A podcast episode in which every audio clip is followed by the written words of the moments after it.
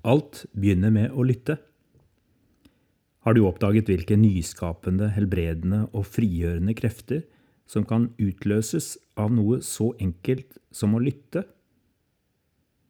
Husker du den svenske filmen Så som i himmelen fra 2004?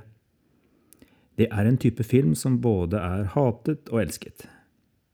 Jeg likte den godt, men ser også at den var ganske overfladisk og tendensiøs i noen av typeskildringene. Kanskje er filmen best kjent for den nydelige Gabriellas sang.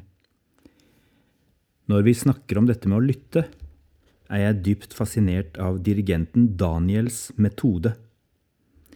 I Så som i himmelen møter vi Daniel, en berømt, omreisende dirigent som hadde stått foran verdens beste symfoniorkestre. Så stopper livet hans plutselig opp av sykdom.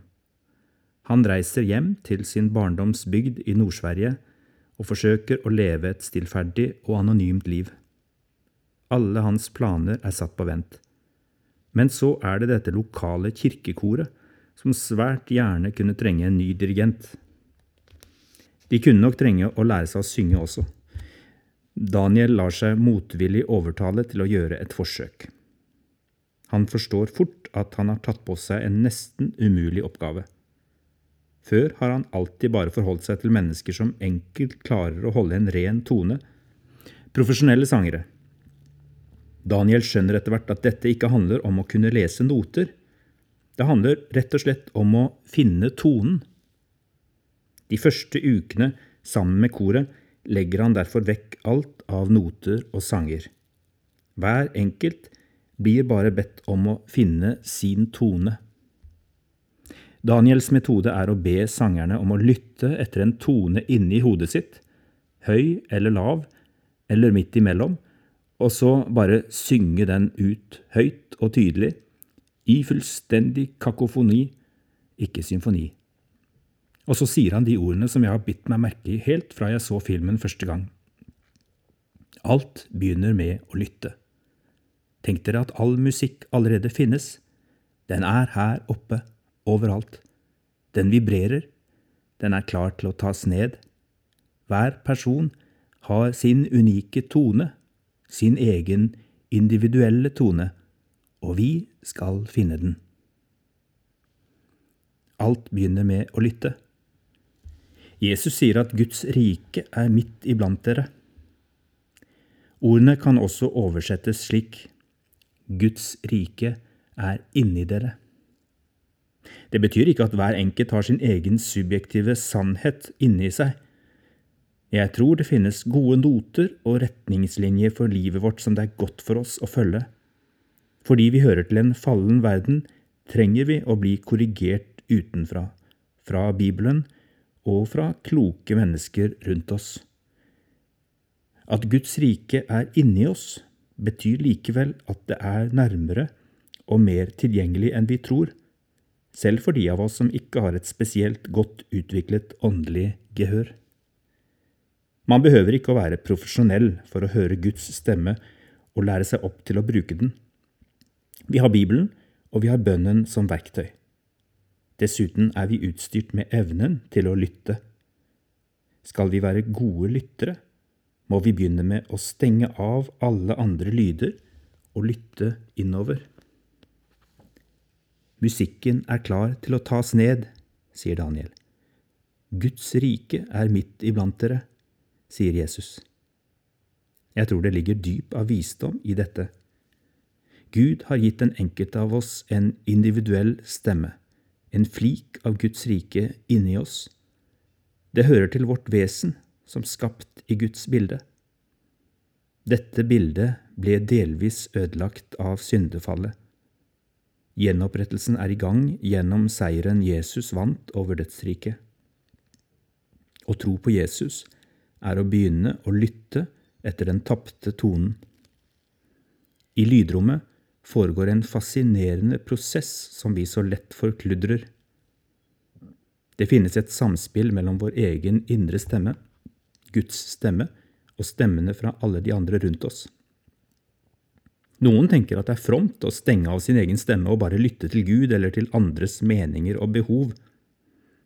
Daniel har fanget noe viktig når han lanserer sin teori om at musikken allerede finnes, og at når vi skal finne vår tone, må vi lytte til oss selv først. Men lytteprosessen stanser ikke der.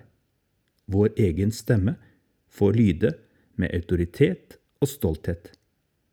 Samtidig begynner vi å høre de andres, og i alle stemmene kan vi langsomt skjelne tonenes mester og skaper.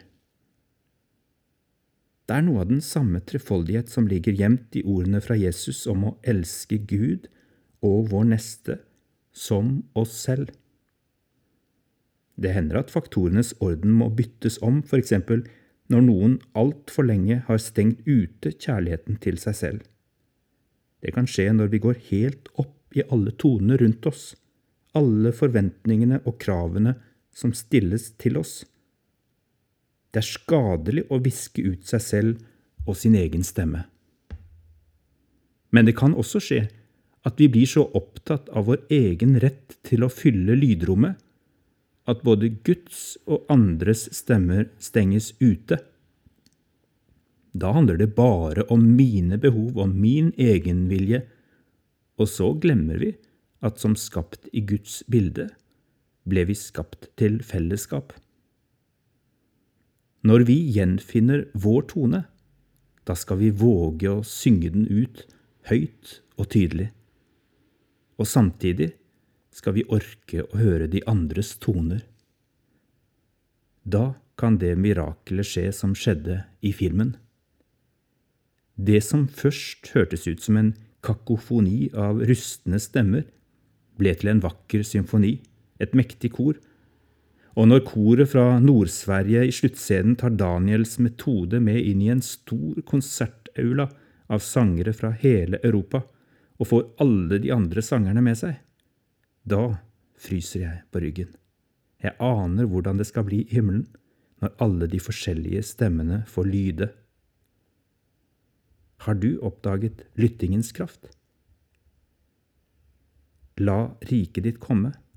La viljen din skje på jorden, slik som i himmelen. Lavmælt samtale. La tommelfingeren berøre langfingeren. Ta imot Guds omsorg for den tjenesten du er i, og inviter ham inn i drømmene og lengslene dine for dagene som kommer. Hva er din unike tone i fellesskapet? Hvilken av stemmene, Gud, din neste og deg selv, trenger du å lytte mer til akkurat nå? Samtal gjerne lavmælt med Gud om dette.